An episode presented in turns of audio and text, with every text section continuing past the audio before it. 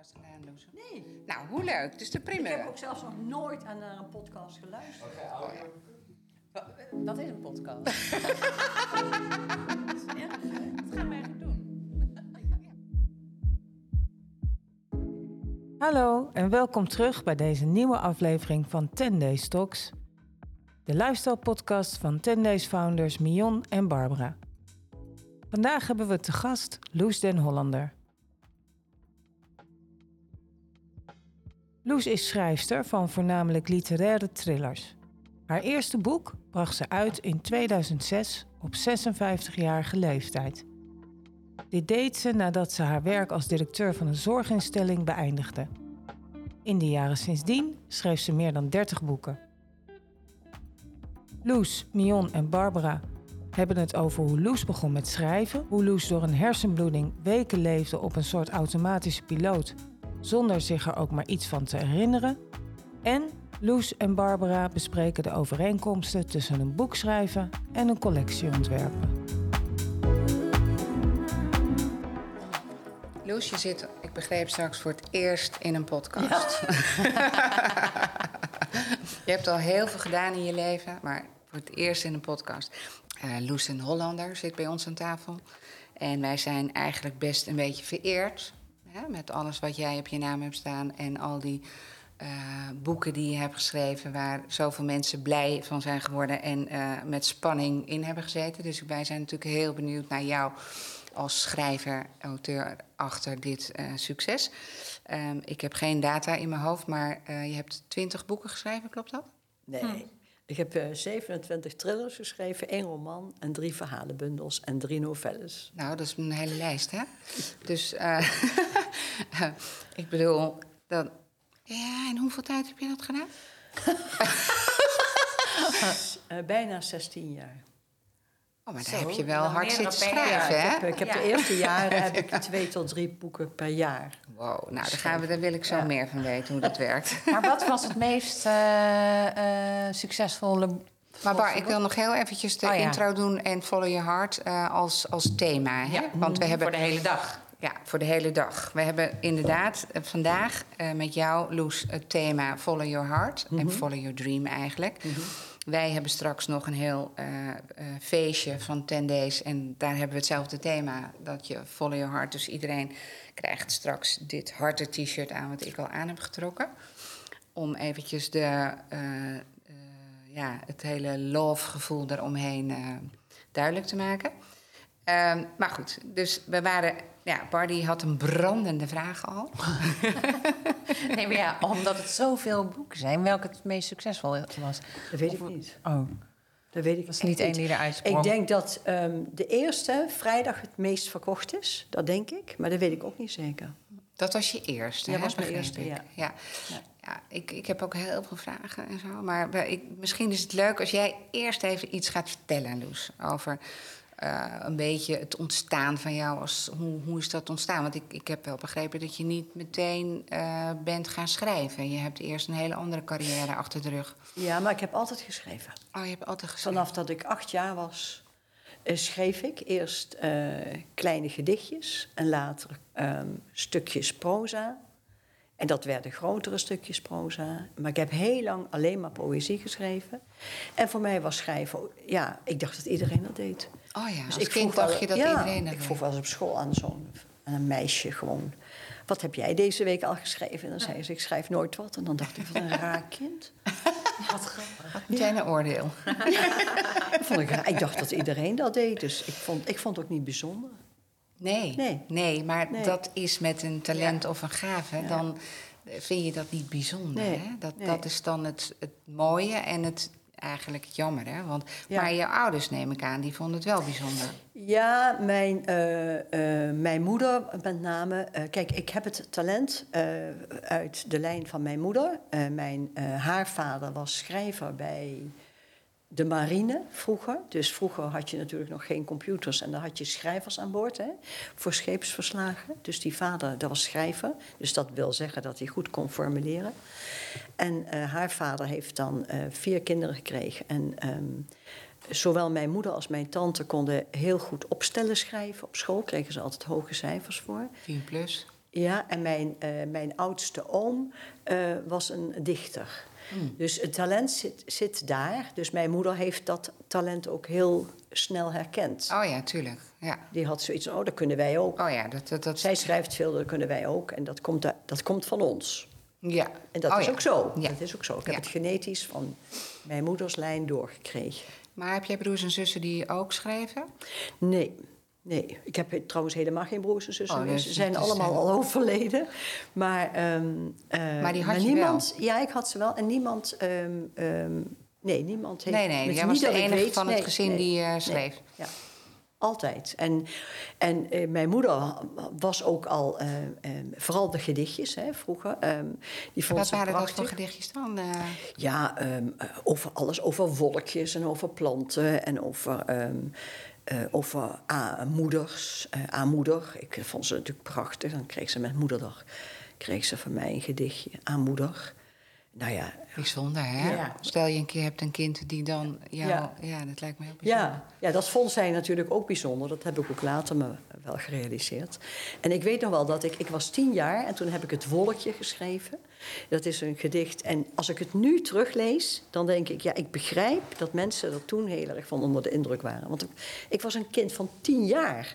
Maar ik vond dat heel normaal. En mijn moeder vond dat zo mooi. Die had dat dus opgestuurd naar de VARA. En, eh, en toen kwam het, het is het voorgelezen in een soort eh, eh, jeugdprogramma. En het is toen gepubliceerd in de VARA-gids. Dat was het eerste wat van mij gepubliceerd En, en dan hebben we het over 19... Eh, ik ben van ach- acht- eind 48, dus ik denk dat dat zo'n beetje 58, 59 is geweest. Jeetje. Ja. Ja. Ja, ja. ja en, mijn, en toen zei mijn moeder, kijk, je staat in de VARA-gids. Dus dan denk ik, hoe kom ik daar nou in?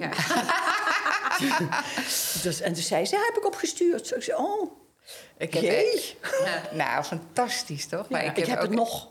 Ik heb het nog. Ja, maar dat zijn wel hele mooie herinneringen natuurlijk aan. Dat, dat zijn de eerste, ja, bijna eh, de, de grondlegging bijna, Ja. hè, van wat je bent Ja. gaan doen. Ja. Ik heb een kleine flashback aan Belle, die had toch ook een keertje iets voor jou. En eh, dat ze dacht, ik moet iets voor mama doen. En dat ze even heel snel opgeschreven iets van, mama, ik hou van jou. Ja. Nee, maar dat, ging over het feit dat haar nichtje daar... Alle, wij waren aan het eten met z'n allen... en haar nichtje was al het hele eh, diner aan het tekenen. En ineens zag ik mijn dochter kijken... oh, wat heb jij nou gemaakt? Oh ja, dus toen ging ze even snel en toen zei ze... Mam, kijk. Zo, voordat het nichtje het ook aan haar moeder kon laten zien. Maar dat was niet om baas boven baas... maar gewoon uit enthousiasme van... kijk, ik heb dit ook Ik voor jou ook voor gemaakt. jou. Ik ja, heb maar voor dat is jou- natuurlijk iets heel anders Nee. dan een heel mooi gedicht. Nee, tuurlijk, maar ik vind het wel, het, het is bijna dezelfde intentie. Ja, van, Ja. een, van een kind. Hè? Ja. Eh, Of je het nou heel, eh, het heel mooi kan en mooi kan tekenen, of dat je iets heel snel verzint, of dat je, jij, hebt. een heel mooi gedichtje eh, schrijft. Dus eh, wauw, Ja. dat is wel mooi als je dan terugkijkt in die. Maar toen ben je toch een ander pad gaan volgen, Els. In, Ehm, of, eh, Loes. ja, nou kijk, schrijven. Ik weet nog wel dat mijn moeder en vader lazen veel. We hadden een grote boekenkast. En, ehm, en, dus, ehm, en ik wilde ook al heel jong leren lezen. Want ik, mijn zusje, wat boven mij kwam, was vier jaar ouder. En mijn broer bijna zes jaar. En die konden al allemaal, iedereen kon al lezen. En ik niet. Dus ik zat met te zeuren toen ik nog op de kleuterschool zat. eh, dat ik wilde leren lezen. En tegenwoordig zou je dan zeggen, nou dan leer ik mijn kind even lezen. De meeste kinderen volgens mij die kunnen voor de basisschool al lang lezen. Tenminste, Dat Ja, hoor ik mijn wel eens. kon ook al ja, heel dat hoor ik, lezen. dat hoor ik heel vaak. Maar dat werd bij ons natuurlijk... Nee, dat, dat leerde je op school. Daar moest je verder niet eh, moeilijk over doen. Dus toen had mijn moeder had mij gezegd... als ik naar de lagere school ging... want eh, naar de eerste klas, dan leerde ik lezen. Dus ik weet nog heel goed dat ik de eerste dag...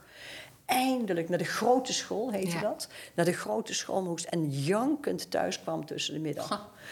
Want ik kon nog steeds niet lezen. Oh my god. Ja. En dat, want ze hadden mij verteld dat, dat... Ik dacht, als je daar dan binnenstapt, Dan kan je, net- dan kun je Ja, dat zou- lezen. zou Oh, wauw, ja. Zo had ik dat Precies gedacht, hetzelfde. want zo hadden ze mij dat verteld als je daarheen ging.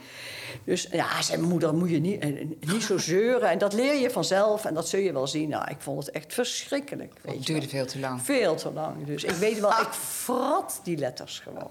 Ja. Dus ik kon ook vrij snel lezen. En, eh, en ik, als er dan, eh, als met de verjaardag, hè, dan kwamen alle tantes. En dan stond ik al boven voor het raam te kijken of ze misschien een pakje bij zich hadden waar een boek in zou kunnen zitten. Ik Oh, ja. wilde alleen maar boeken. Ik, ze noemden mij ook een leeskont. Ja, ik zat alleen maar te lezen. En ik mocht dus de boekenkast van mijn ouders, daar mocht ik niet. En lezen op een enkel eh, boek na. En maar ik mocht bijvoorbeeld helemaal nooit naar Casanova's liefdesavonturen kijken. Dus als mijn vader en moeder, als mijn vader naar het werk was en moeder boodschappen doen, dan dook ik die kast in. En dan las ik Casanova's liefdesavonturen waar ik niets van begreep. dacht ik, waarom mag ik dit nou niet lezen? Ik snapte Oh, niks je begreep niet waarom het niet Ik mocht snapte- lezen. nee, ik snapte niet wat daar nou zo spectaculair aan dus, eh, dus lezen was natuurlijk... Dus, ehm, eh, en, en, toen, en dan, mijn moeder wist altijd heel veel te vertellen Mhm. van schrijvers. En toen vroeg ik, eens aan, ik, eh, vroeg ik eens aan haar, en ik denk dat ik een jaar of acht ben geweest van... Ken jij die schrijvers? Want ze wisten zo. En toen zei ze: Nee, kind, natuurlijk niet. Dat, dat lees ik in de tijdschriften en zo. Ze zei: Schrijverskind zijn hele bijzondere mensen. niet als wij.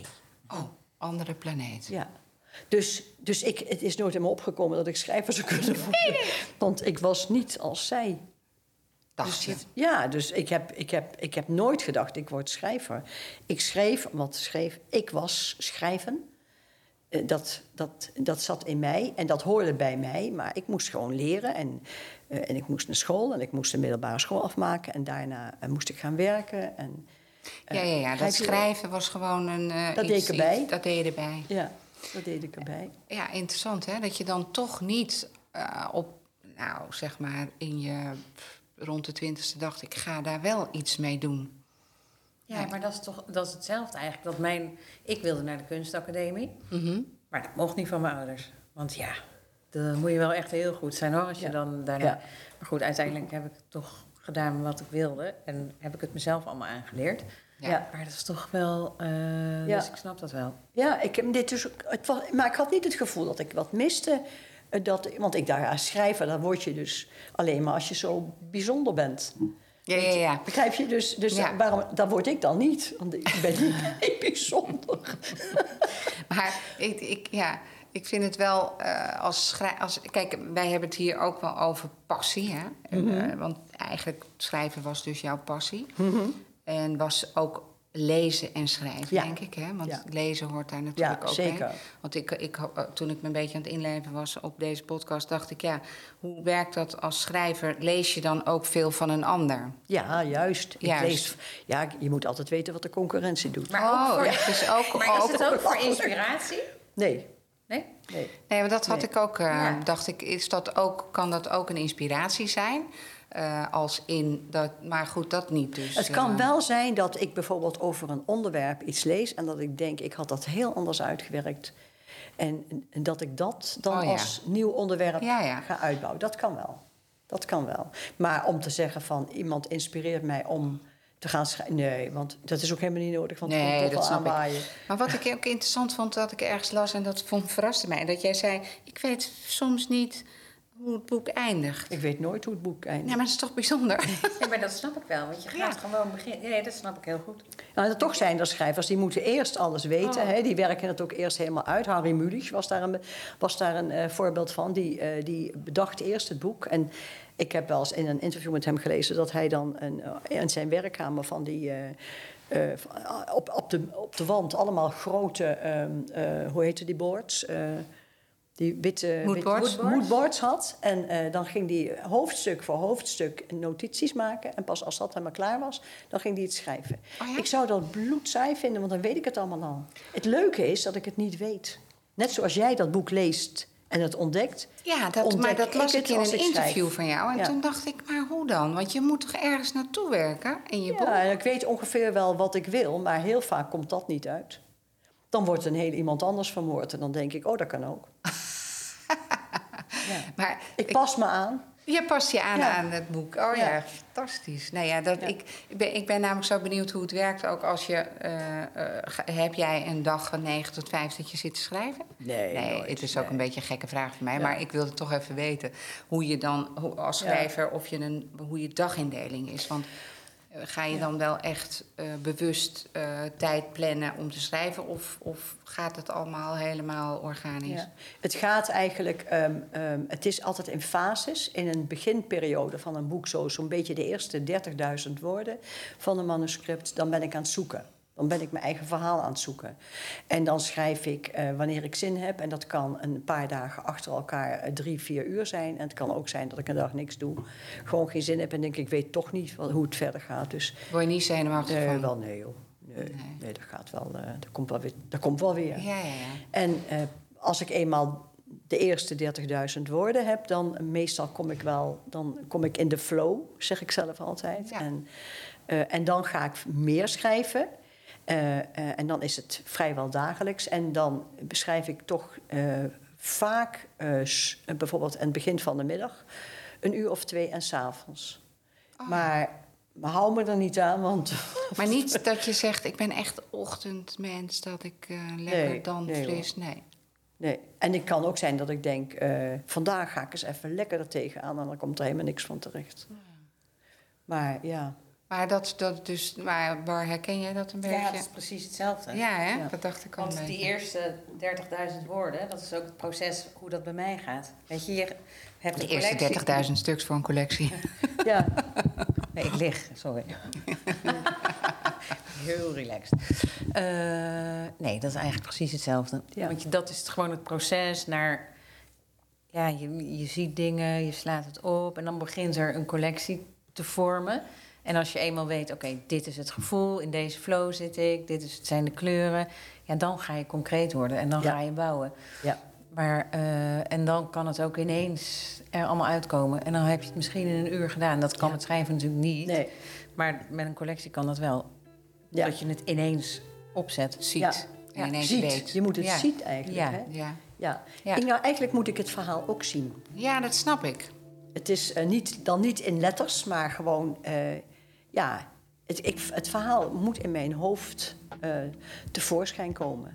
En het, is, het, het leuke is, ja, wat ik zeg, er zijn schrijvers die zo nooit zo, zouden kunnen schrijven. Die moeten echt weten waar het over gaat. En ik, het lijkt mij bloedsaai om te weten waar het over gaat. Want dan Ja. mis ik die spanning zelf. Omdat je het niet weet, Nee, laat je het gebeuren. ja. En dan eh, lijkt me wel echt heel mooi om, als je dat zou kunnen, hè? Dat je Ik, gewoon... ja, ik heb natuurlijk een onderwerp hè, waar, waar ik op begin. En waarvan ik denk, ik, het zal waarschijnlijk die kant op gaan. hè. Ja. Dus eh, ik, ik, dat wil ik eh, als rode draad hebben. En dan kan het zijn dat ik eerst over dat onderwerp zelf ga lezen... of dat ik ga googlen of wat dan ook. Het ligt er zo'n beetje aan wat dat is. Ja. Maar, ehm, maar gaandeweg komt dan het verhaal tevoorschijn. Ja.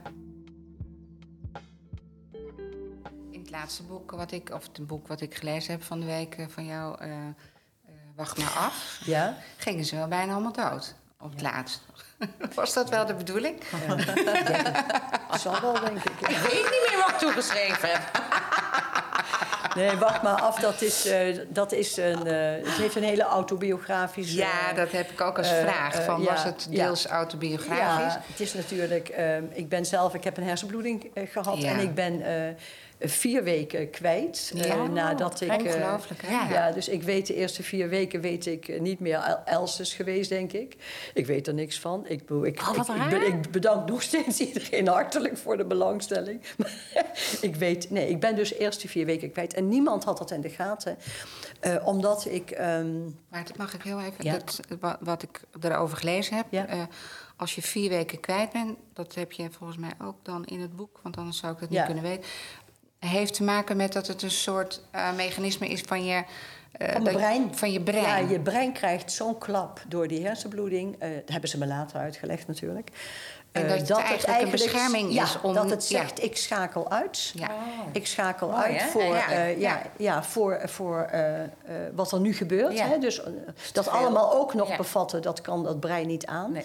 Maar in dat brein zit natuurlijk heel veel geheugen. Dus daardoor kende ik iedereen. Ik heb aan niemand gevraagd wie ben jij of waar kom je vandaan of is wie is je moeder. Ik wist alles. En daardoor had niemand in de gaten dat ik niks opsloeg. Oh, wat gek. Dus eh, ehm, ik, ik, ben, ik, was, ik ben vier, eh, twee weken in het ziekenhuis geweest. Eh, ik heb later gehoord dat, ik, heel, dat, dat ze het heel gezellig met me hadden. En dat ik iedereen opbelde. Ik weet helemaal niet dat ik daar een telefoon had. En ehm, eh, ik zat de hele dag te bellen met iedereen, hoorde ik. Dus ik heb waarschijnlijk uit een soort ehm, onderbewustzijn eh, gedacht... Ik moet, ik moet erbij blijven. Dat denk ik, maar dat weet ik niet zeker. En eh, alleen, ik at niet. Ik wilde niet eten. Dus ik viel in die twee weken bijna 10 kilo af. Dus ze waren heel erg... En ze vonden mij heel lastig. Dat zeiden ze ook tegen mijn vriendinnen. Mevrouw Den Hollander is heel vervelend, heel lastig. Is heel dwars. Wil niet eten. En wat niemand in de gaten had, was dat... eh, want dat is geraakt bij mij. Het, ehm, het, eh, ja, wat in je brein zegt, ik moet eten. Oh. Ik, ik trek. Dat werkt bij mij. Dus ik heb nooit meer honger. Oh, En dat had ik daar ook niet. En ik heb ook heel ook snel... Nee, nu ook niet. Maar Nooit. nu eet je dus omdat je weet, ik, Ik, moet ja, eten. ik moet eten, maar ik moet ook uitkijken. Want ik toen mijn man nog leefde, toen, eh, zei hij wel eens tegen mij van... Ik, ik lust wel wat. En dan dacht ik, oh god, ja, we moeten ook nog eten. Want dat vergat ik. Ja. En ehm, eh, dus... Maar niemand had dat in de gaten, omdat wat ze voor me zetten, dat had ik netjes wel op. Mhm. Eh, eh, als het echt moest, eh, als, het, als het op een aardige manier, denk ik. Want ik, van een vriendin heb ik eens gehoord dat ze bij mij kwam. en er een verpleegkundige naast mij. En ik lag, ik, ik had me verschanst onder de dekens. En die verpleegkundige zei, en ze is zo lastig, mevrouw de Hollander. En zei, van, zei ze, en had ze gezegd, mevrouw de Hollander, u moet eten. En toen had mijn vriendin gezegd, nou, dat is niet de goede tekst. U moet eten, dat moet je tegen haar niet zeggen. Dus Nee. ga maar weg, laat mij het maar proberen. En toen had ze de dekens eh, terug. En toen had ik ook nog tussendoor de dekens teruggeslagen en gezegd: en gezegd Ik moet niks. en toen zei ze: van, nou, Loes, doe, doe even normaal en kom op. Zullen we, zal ik je helpen dan? En eh, toen vond ik het goed. Ja. Toen had ik gewoon mijn bord leeg, weet je wel. Maar Maar dit, ik vind het wel interessant, hè? Dat je dan eh, eh, dat je dat ook niet. Ja, nu heb je ook niet de ergste trek meer in of zo. Nee, maar en het, eh, het is heel vaak zo, en dat is waarschijnlijk in die beginperiode daar erg geweest, denk ik, maar dat weet ik natuurlijk niet meer, dat, ehm, dat mijn maag heel makkelijk op slot slaat. Dus ehm, ik kan ochtenden hebben dat ik opsta en denk, oh, dat gaat helemaal fout. Dan voel ik al, ehm, eh, ik moet gaan worstelen. Om iets te En ik moet het doen, want anders word ik zo, eh, zo, zo suf als ik weet niet wat. Dus dat moet niet, dat moet, dat moet niet, dat is niet goed. Eh, en dat heb ik daar waarschijnlijk ook gehad. En dat is mijn verzet geweest tegen eten, denk ik. Eh, dus ik was daarna natuurlijk zo verzwakt dat ze mij eh, naar Heliomara hebben laten gaan. Want ik, ik liep gewoon rond. En ik, ik bedoel, ik liep de dag na de operatie alweer rond. En ik, dus, eh, eh, maar ik moest eh, gewoon aansterken en weer in conditie komen. En ik was twee weken al in Heliomare. Dus toen, dat was vier weken dat is een nadat... revalidatiecentrum. Ja, eh, d- dus vier weken nadat ik was geopereerd, werd ik, zat ik daar op het eh, bed. En mijn man was daar ook geweest eh, Mhm. voorheen. eh, eh, niet zo lang daarvoor, want die had natuurlijk ook een hersenbloeding gehad. Ja, dus ik kende, Ja. ik kende die hele omgeving. Dus niemand had ook in de gaten. Ik kende ook iedereen. Dus ik Oh, heb ja. nooit gevraagd wie zijn jullie of waar ben ik. Want dat, dat heb ik geweten. Dat heb ik daar geweten. En eh, ik ging ook naar de fysiotherapie. Ze hoefden mij de weg niet te wijzen. Ik weet helemaal niet dat ik daar op de fysiotherapie geweest ben. Maar goed, ik ging daar op de automatische piloot naartoe. En toen zat ik daar, ik, dat weet ik nog wel, ik zat daar op het bed en, ik, en daar werd ik wakker. Dus ehm, ik zat daar en toen dacht ik, ik zat er om me heen te kijken. Toen dacht ik, het lijkt wel of ik een heliomare ben. Wat nou, hoe kom ik hier nou terecht? En toen kwam er een verpleegkundige binnen. Ik zei, hé hey Marielle, ben ik een heliomare? En zij zei, ik ga de dokter even halen. Want die dokter Niet helemaal goed. is iets helemaal niet klopt iets niet. Iets gaat er niet goed hier. En, eh, dus toen kwam de dokter en toen zei hij, hij zei, ehm, u vraagt of u een heliomare bent. Ik zeg, ja, hoe kom ik hier? Ja. Hoe lang ben ik hier al? Hij zei, u bent hier al twee weken en u hebt een hersenbloeding gehad. Ik zei, allemachtig zeg, echt waar. En toen kwamen ze erachter dat ik al die tijd nog niet wakker was. Ja. Had niemand in de gaten.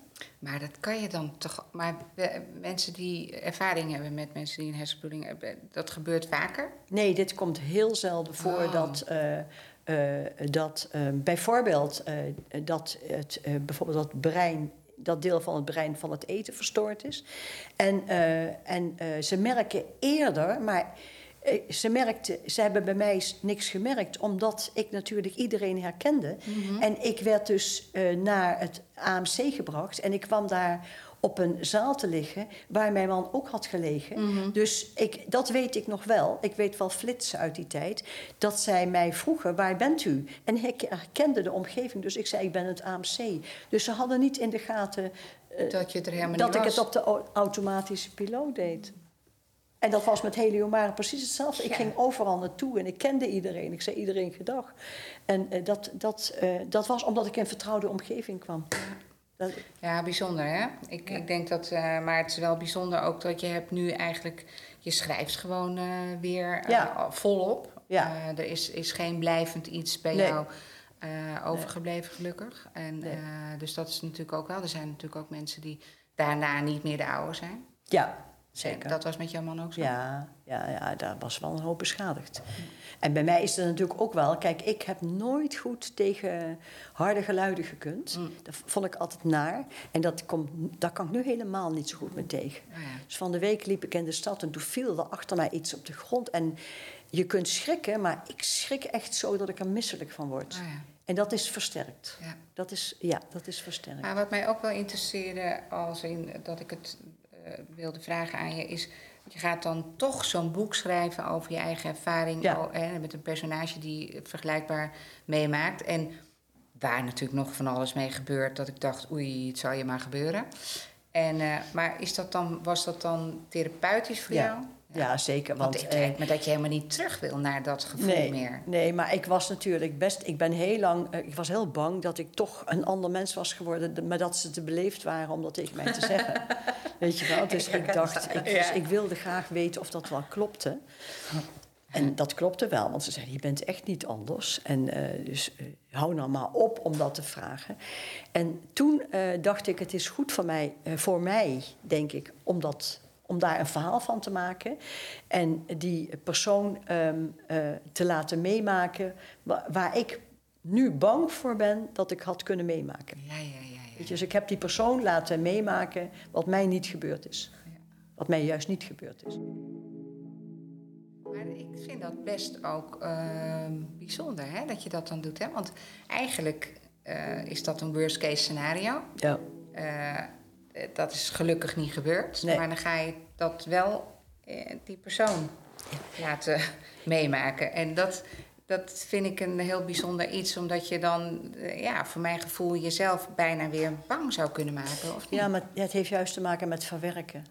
Dat, dat is de manier om te verwerken, weet je. Het een ander laten gebeuren, wat, jij, wat jou godzijdank niet is gebeurd. Ja.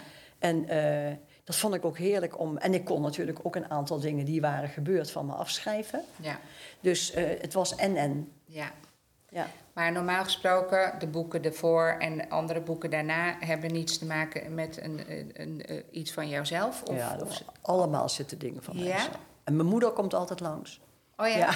Ja, zitten- ja. Ik, ik, als ik vaak terugdenk, denk ik, oh, moeder. Ja. ja? Maar dat, dat bedenk je niet dat gebeurt. Nee, dat gebeurt. Ja. Dat gebeurt. Maar ik, kijk, de schrijver die vertelt, er zit in mijn boeken niks van mezelf, die moet je nooit geloven. dat Ah, kan niet. Nee, dat kan niet. Dat, dat snap kan ik dat niet. dat niet kan. Dat kan niet.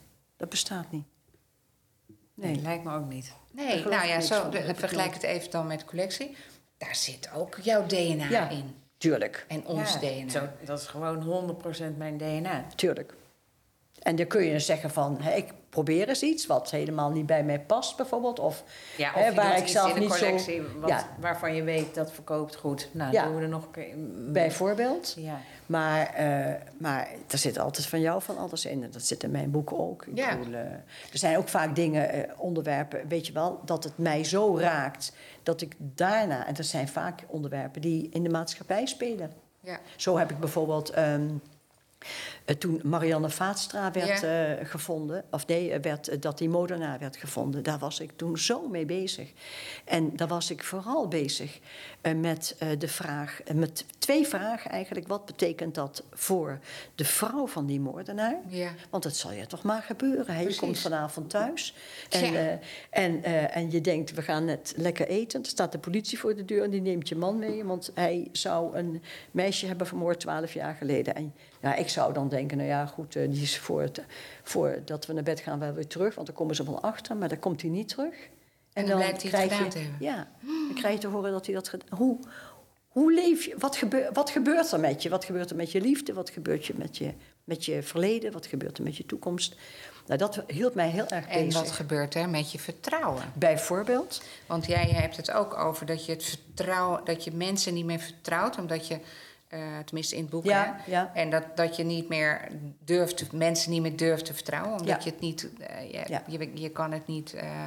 Eh, Want dat had ik zelf. Hè. Ik dacht, Nou ja, van, dat- ze zeiden dat- allemaal... Er is echt, je, bent, je hoeft echt niet bang te zijn. Want dan dacht ik, ik zeg misschien wel hele rare dingen. hè. En dan achteraf zeggen ze, die loezen. Weet je wel. Ja. Dan lachen ze stiekem, dacht ik. Ja. Ik was heel achterdochtig. ja, maar die achterdocht, dat is natuurlijk als, al- hetzelfde met zo'n man van zo'n, eh, eh, die dan blijkt de moordenaar te zijn. Dat je, dat, dat je dus vrouw bent van een man en die je altijd gewoon gelooft. En dat je opeens alles valt in duigen. Ja. aan vertrouwen in, in misschien die persoon, maar ook in, in anderen misschien. hè? Want Ja. hoe, hoe, hoe onwerkelijk is de werkelijkheid dan eigenlijk? Ja, ja die, is, die, die, kan nooit meer, die is nooit meer hetzelfde. Nee. En dat, eh, ja, wat ik zeg, dat, eh, dat gevoel, dat, dat onheimische gevoel... wat ik echt een hele tijd had... dat was alleen maar eh, eh, in feite te couperen door erover te gaan schrijven. Ja. En het een ander te laten meemaken.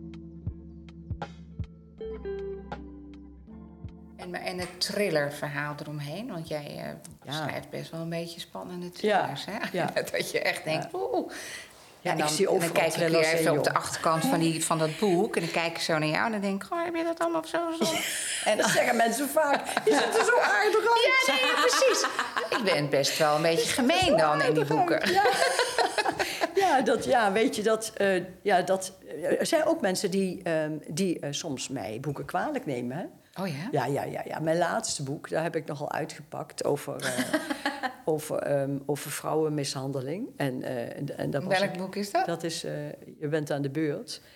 Oh ja. Oh ja, ja, ja, ja, ja, Die heb ik ook gelezen. Ja, en daar was ik natuurlijk een, eh, Ja, dat was bijna een soort. MeToo-verhaal, toch? Ja, het was een MeToo-verhaal, ja. En dan, dan krijg, je ook echt mensen die zeggen... ja, zeg maar, maar dat had ik niet van jou. En dan worden mensen dus boos dat ik dat heb geschreven.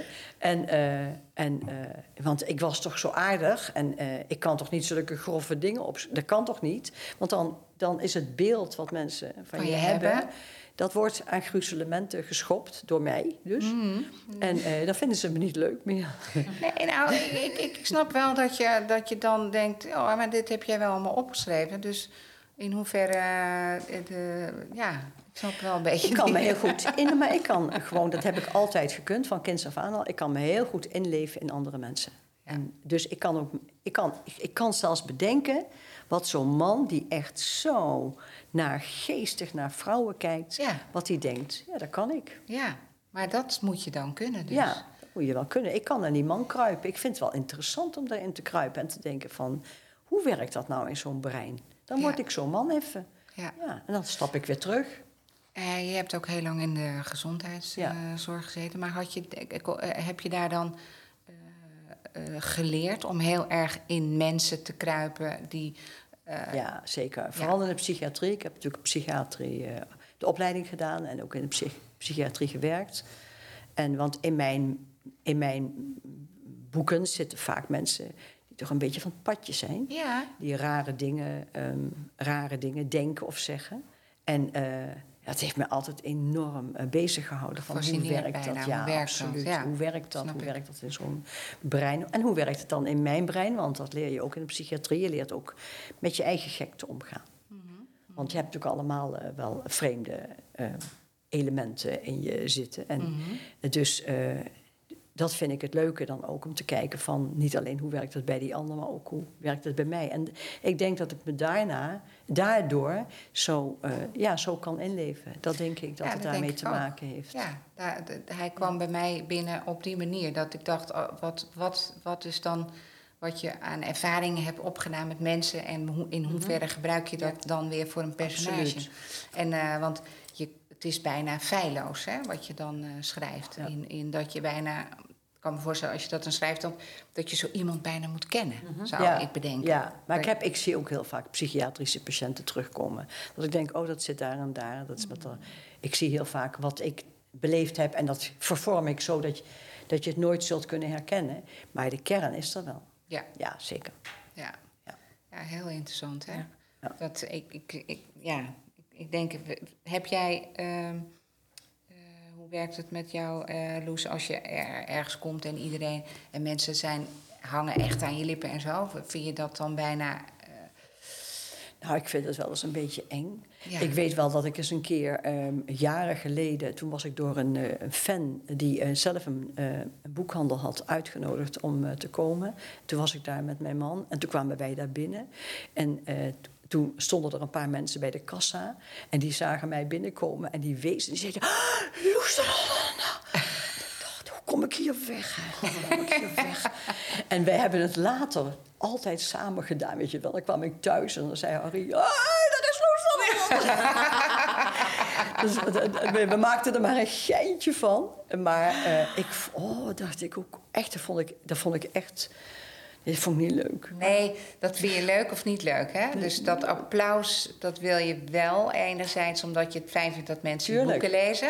Tuurlijk. Want dat- maar dat- zo niet. Maar niet op die Nee, niet zo dat mensen... Of dat ze, dat ze eh, in het winkelcentrum eh, ineens even... En toen voel ik een hand op mijn eh, arm. En ik wou- Ik wou je even aanraken. Oh ja? Ja, dat is best eng, hè? Ja. ja. Want ehm, dat zal ik zelf nooit doen. Nee. Dan, dan kom je eigenlijk ook te dichtbij. Ja. Eh, het is leuk om te praten. Ik vind het niet erg als mensen me aanspreken. Dat vind Nee. ik altijd leuk. Ja. Maar aanraken is wat anders. Ja. Is- Ja, ja, ja. ja. het- dat ja. komt heel dichtbij natuurlijk. En, eh, want jij zei net al iets over luisterboeken, hè? Maar Mhm. die spreek je dan ook zelf in? Ik heb eh, nu alleen mijn laatste boek, hè, wat ik over de rouw heb geschreven. Dat heb ik zelf ingesproken. Maar, eh, Maar lees je dan voor? ja, Ja. Eigen boek. En, eh, maar dat was heel leuk om te doen. Dat was echt heel leuk. En eh, het resultaat was dat, de, dat mijn uitgever zei... van het volgende ga je zelf inspreken. Hè? Ja. Oh ja. Ja.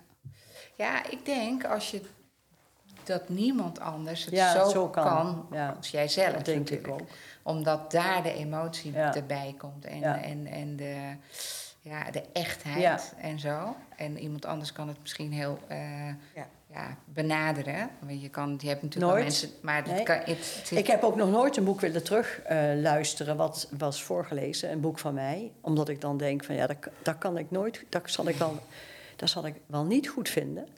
dus ik, ik ben er wel mee eens dat ik de volgende waarschijnlijk zelf moet gaan inspreken. Maar wat verkoopt beter? Ge- ge- gewone boeken of luisterboeken? Nou, luisterboeken zijn heel erg in- Populair.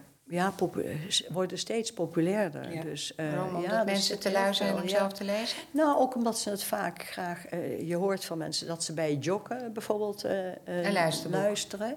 Bij- tijdens huishoudelijk werk. Dan moet je een podcast luisteren. Hè? ja, maar ook in de auto vind ik link. Je moet in de auto niet naar een triller luisteren. Nee, moet je niet dat doen. Maar mensen doen dat wel. Vind ik, vind ik, niet, vind ik niet verstandig. En wat, jij zei straks, ik ben best een beetje benieuwd. Want wat, ja, dat was misschien in de intro er nog een beetje bij ingeschoten. Maar eh, we hadden je natuurlijk eh, gevraagd, ook omdat je fan bent van Tendees. Ja. En, eh, en hoe leuk dat ik laatst eh, bij Els aan tafel eh, uitgenodigd was om te eten. Els zit nu in deze ruimte, dus die zit nu een beetje zo mee te genieten. En, en toen kwam het gesprek natuurlijk op jou, dat jij, dat Els zei, ja, maar ik heb een leuke klant en dat is Loes den Hollander, schrijfster. En die is echt ook fan van Tendees. Waarop ik meteen zei, "Ah, kunnen we haar uitnodigen voor de podcast? En, eh, want dat is dan bij mij meteen een eh 1, 1, 2. Ja. Dus, ehm, nou, en dus daarom zit je hier. En vonden wij natuurlijk heel leuk dat je daarvoor open stond. Want ja, je zal toch ook genoeg te doen hebben. Ehm, maar eh, de, die kleding, die voegt iets toe bij jou? Ik, ja, ik vind, eh, eh, dat heb ik eh, met Ten Days van het begin af aan gehad. Ik, vind het, ehm, ik vind het zo'n mooie combinatie van heel eigentijds, stoer en vrouwelijk. Ja. Dat vind ik knap. Ja, nou, Het is knap. Ja, dat je dat, weet je wel, dat je... Je kunt eigenlijk bij wat voor gelegenheid ook altijd in die kleding tevoorschijn komen. ja, Dat vind ik... de touch eh, maken voor wat ja. of wat losser of wat lekker thuis eh, aan schrijven? Ja, ja. Ja, en het zit allemaal heel lekker. En het zit heel goed. Het Ja. past heel goed. Ja. Ik, en dan, nou heb ik natuurlijk geen moeilijk figuur. Dus, eh, maar ik denk zelfs dat, dat eh, volle vrouwen eh, met, eh, bij de, eh, in de grotere mate... er daardoor ook altijd eh, verzorgd uit kunnen zien. Want dat, dat wil wel schelen. En eh, jullie gebruiken ook gewoon hele mooie materialen. Nou ja, we zijn vooral Dat gericht op comfort. Ja. En, eh, en, en, maar ook stijl en ook eh, Ja. stoere prinsesjes. Hè? Ja. Dus het zijn wel. we- Het, is, het gaat allemaal natuurlijk vanzelf. Die, hoe Bar dat dan in, me- in, in elkaar weet te, bij elkaar weet te brengen eigenlijk. En, en, maar het zit hem ook soms in details. Hè? Dat je gewoon toch die details die het net weer even anders maken of sportiever. Of, ja, of vrouwelijker of Ja. iets meer glamour. Of, hè? Ja. Dus dat, eh, nee, dat is leuk. Maar ik vond het leuk om even uit jouw mond te horen dat je, hoe jij dat ervaart. Ja, En toen zei jij ook tegen mij straks van, hoe werkt dat dan? En ik zei, nou, die vraag kan je mooi in bar stellen. Hè? ja. Want, Ja, hoe werkt, ja, hoe werkt dat? Ik, ik denk dan, ja, ik, ik kan jou uitleggen hoe ik tot, tot een boek kom. Maar hoe kom jij dan tot Ja, dat is denk ik echt hetzelfde proces. ja, hetzelfde proces? Ja. Ja, ja. Dat weet ik eigenlijk Je wel ziet het ook al voor je. Ja, Ja. En het komt gewoon. En soms denk ik, het lijkt wel alsof het, alsof het, ja, alsof het vanzelf gaat. Dat klinkt een beetje raar, maar het, het komt, het is er gewoon. Gisteravond zeiden mijn kinderen, toen waren we aan het eten. En toen zeiden ze, mam, of een van, van de, en die anderen vonden dat toen ook.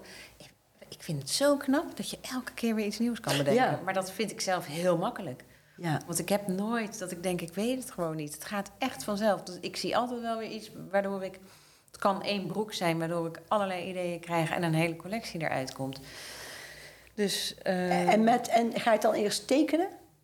soms ik teken, ik schrijf alles op, al mijn ideeën. Ik heb altijd wel een, een notitietje in mijn telefoon voor dat seizoen.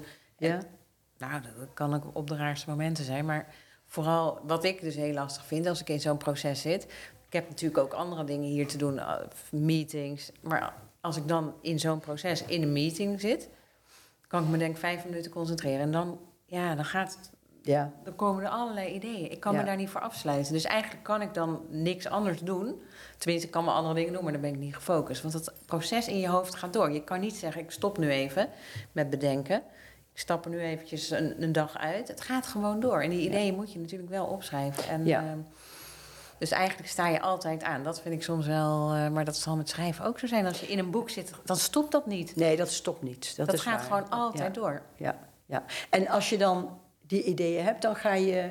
Want ga je, dan moet je eh, materialen kiezen, kleuren kiezen. Ja. Dat, dat gaat allemaal in zo'n Dat vloeiende allemaal- lijn door. Ja, eigenlijk Ja. wel. Ja. En we gaan maandag naar Portugal voor een collectie. Maar ik heb de collectie die daarna komt, ben ik ook al mee bezig. En daar heb ik, als ik kan zo door de fabriek lopen en denk, oh wat een leuke koordjes. Die neem ik mee voor die collectie daarna. Ja, het- zo gaat dat. Of ik zie mooie stof en daar maak ik een heel programma omheen.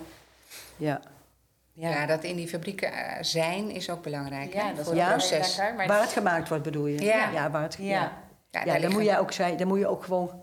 Oh ja, soms denk ik wel eens, maar het is echt te druk. Maar ik zou, zet mij gewoon twee weken in die fabrieken. En ik maak gewoon ter plekke een collectie Ja, van leftover fabrics. ja. Ja. Dat is wel nog steeds, dat denk ik elke keer als ik daar ben. Alleen heb ik nooit de gelegenheid om zo lang daar te zijn. En, en die fabriek, waar staat die? In Portugal. Dus we hebben daar rondom Porto hebben wij allerlei leveranciers. Oh. Ja. Het is misschien wel leuk om te vertellen, die leftover fabrics, wat dat eigenlijk is. Hè? Want dat is voor ons een begrip die we kennen. Maar Ja. eh, dat, dat zijn materialen die eigenlijk over zijn van alles wat we gedaan hebben. En dat is misschien wel leuk voor jou ook, Els, omdat je hierbij mag zijn, om te weten. Dat je dan, als je in zo'n fabriek, dat je al die ja, eigenlijk overblijfselen ziet liggen, waar je nog van alles ja, mee dat kan. is eigenlijk zo zonde, want dat, dat blijft daar maar liggen. En dat zijn natuurlijk kleuren van en prints van, van weet ik voor hoe lang geleden. Maar eigenlijk is dat zonde. Ja, Om dan elke keer weer hele nieuwe dingen, eh, om daar niks mee te doen. ja. En daar baseer je dan weer iets nieuws op. Soms. Ja. Of we maken er een apart collectietje van. Ja. Ja, wat we gedaan hebben met die onderbroekjes bijvoorbeeld. Ja, of met die rappertjes. Ja. Ja, rappertjes en ook met leggings die we dan eh, bijvoorbeeld, eh, nou ja, een beetje die sportieve leggings. Het is natuurlijk heel erg leuk om dat modisch te dragen. met een mooie trui of een blazer of whatever. Mhm. En op een gegeven moment, en dat weet Els misschien ook nog wel, dat we ehm, eh, twee kwaliteiten bij elkaar hadden gebracht die dan eh, zeg maar een heel, heel iets nieuws opleverden. In plaats van dat je die legging in één kwaliteit hebt. Dus één dessin, zeg maar twee dessins bij elkaar. Dat gaf een hele leuke mix. Hè? Ja. En, eh, eh, en dat, kwam, dat idee kwam daar vandaan dat we ge- gebruik hebben gemaakt van materialen die er nog lagen. En ik denk, als we dan een klein beetje ook kijken naar wat er op dit moment allemaal aan de hand is, dat we, ja, iedereen heeft het over duurzaamheid en, en sustainability, wat natuurlijk het, het, het, het modewoord ervan is, maar, of gewoon de Engelse vertaling, maar ehm, dat, dat we ja, niet weer opnieuw produceren, maar gebruiken wat we hebben liggen. En Ja. dat zie je natuurlijk op, op kledinggebied heel erg Ja. gebeuren. Dat, dat eh, er een he- hele levendige handel is in die tweedehands. Hè? Dus ja. Eh, dat mensen wel weer door willen schuiven. Ja. En met dat geld zelf weer iets nieuws kopen Ja. of iets anders gedragen. Eh, in winkels zal je dat ook wel gaan zien, dat je ook wat terug mag brengen.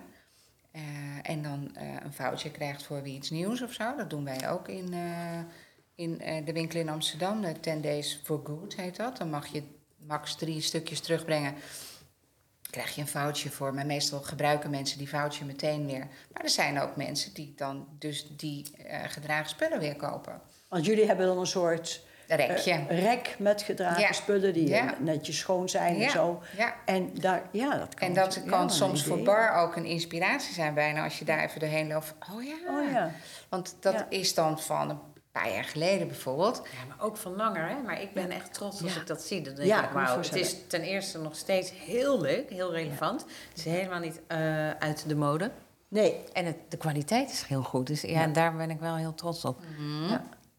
En je ziet ook, ehm, je ziet gelijk wat mensen terugbrengen, maar wat ze dus ook weer kopen. Dus Ja. dat, dat heeft iets met duurzaamheid te maken. Ja. Ja, ge- geweldig. Ja. Leuk. Ja. Dat is een Ja. idee voor jou. ja, wij zeggen, wij moeten wel even uitleggen voor de luisteraar dat we af en toe Els betrekken. hè? Ja, Die ja, zit hier ja, zonder microfoon zit en, er- eh, en met zwijgen, Ja, ja. te zwijgen. Dat is heel moeilijk, hè, Els? Big smile krijgen we. Ehm, laatste vraag eigenlijk. Eh, heb je nog heel veel dromen? Oh, bedoel je voor boeken? Nou, het maakt mij niet Nou, uit wat ja. voor dromen. Ja, eh, ik heb, eh, ja, weet je, maar ik, of boekengebied of eh, op andere gebieden wil Ja, je ik gaan denk- reizen nog? Of... nee, ik denk aan, na ieder boek denk ik, nou, nou zal het wel ophouden. ik, eh, en ik, eh, iedere keer weer komt, er, Geen idee. komt er een idee. Dat vind ik Zie, nog ja, dat gaat altijd door. Het Ja. gaat maar door. En, ehm, want ik heb natuurlijk al, wat ik, hè, ik heb natuurlijk al heel veel geschreven. Ik ben wel eh, in een veel eh, rustiger tempo terecht te komen. Ik schrijf nu één boek per jaar. Ehm, dit jaar dan toevallig twee, omdat dat eh, rouwboek ertussendoor is Maar gekomen. schreef je er zoveel per jaar omdat je gewoon zoveel ideeën had? Of dat moest je van jezelf gewoon Nee, wel nee hoor. Het, het, het, Het gaat vanzelf. vloog eruit. Ja. En ik, ik kwam er ook achter dat er, dat er heel veel in mijn hoofd zat. Ja, precies. Dus ik had zoiets van, het moest allemaal opgeschreven worden. En, en dan, eh, het een was gebeurd en het andere... Ik, had, ik, heb er, ik heb er zelfs wel drie per jaar geschreven. Dat ik dacht, nou, nou, volgend jaar even rustig. Ja. Maar, eh, Maar ja, dat was dus- voor 2018. Eh, ja, dat was eh, eh, ehm, Voor. ja, vanaf 2006. Hè, want Ja. ik, ik raakte toen mijn baan kwijt. Ah ja. Want daar is eigenlijk... eh, ehm, en ik had toen al... Ik, want ik schreef natuurlijk altijd. Hè, en ik Ja. had ook wel veel artikelen geschreven. Ik was bij een vaktijdschrift... was ik eerst redacteur en daarna hoofdredacteur geweest. Daar schreef ik heel lang columns voor ja. en artikelen.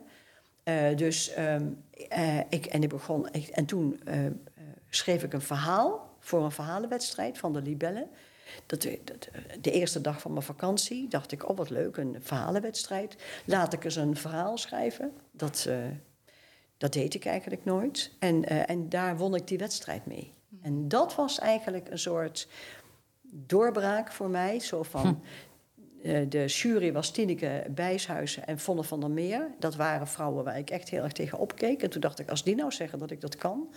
dan kan ik het misschien ook wel. Maar had je die bevestiging nodig? Ja, ik, ik, ik vond het... Dat zij dat speciaal vonden... Want voor mij was het een vanzelfsprekendheid. Ik weet nog wel eens dat mijn moeder eens tegen mij gezegd heeft... Je moet, daar niet zo, eh, je moet het niet zo voor jezelf houden. Ehm, ze, eh, je, dat is een talent wat je hebt en daar moet je andere mensen van laten meegenieten. En dat, dat dacht ik, hou Oh, op ja. zeg, eh, dat een gedoe zeg. En ik heb mijn tweede boek ook aan mijn moeder opgedragen, mijn tweede thriller. En daar stond ook in voor mijn moeder, zij gaf mij de juiste opdracht. Want uiteindelijk heb ik gedaan wat zij... eh, maar daar, had ik, daar had ik het winnen van die verhalenwedstrijd voor nodig. En toen kwam het... Toen spoot het eruit. En leefde je moeder toen nog? Toen nee, je die mijn moeder heeft de boeken niet meer meegemaakt. Oh, Nee, ja, dat is wel jammer. Ja, jammer. Ja, Ja. ja. Nee, heeft de boeken niet meer meegemaakt. Mooi. Ja. Mooi hè, deze, oude, deze achtergrond eigenlijk Ja. van een eh, heel bijzonder mens. Maar dromen, om daarop terug te komen, ik, ehm, ja, ik moet er niet aan denken dat ik, dat ik zou moeten stoppen met schrijven. Nee. Eh, ehm, dus eh, ik, ik ben nog steeds blij met een, met een nieuw idee. En, en ik, ik zoek wel, merk ik, vaker. ehm, eh, ik sta meer open voor ideeën die eigenlijk helemaal eh, buiten mijn eh, comfortzone. Oh ja. Dat vind ik wel. Dus ik ben nu met een thriller bezig en daar is centraal speelt daar het verhaal van vrouwen die heel graag moeder willen worden en waar dat niet lukt. En waar dat leidt tot ehm, onaangepast gedrag. Oh ja. En ik heb no- zelf absoluut nooit eh, een kinderwens gehad. Dus dat, die diep zittende emotie die in vrouwen zit, want dat heb ik ook van vriendinnen meegemaakt, die is mij totaal vreemd. Maar ik vind het prachtig om me juist daarin te laten wegzinken. Oh ja. Mooi. En dan een beetje gek te worden. gekke, gekke, gekke dingen te gaan doen. Nou, dankjewel. gevaarlijk. Ja, heel gevaarlijk. met Ja, nee, echt heel gevaarlijk. Oké.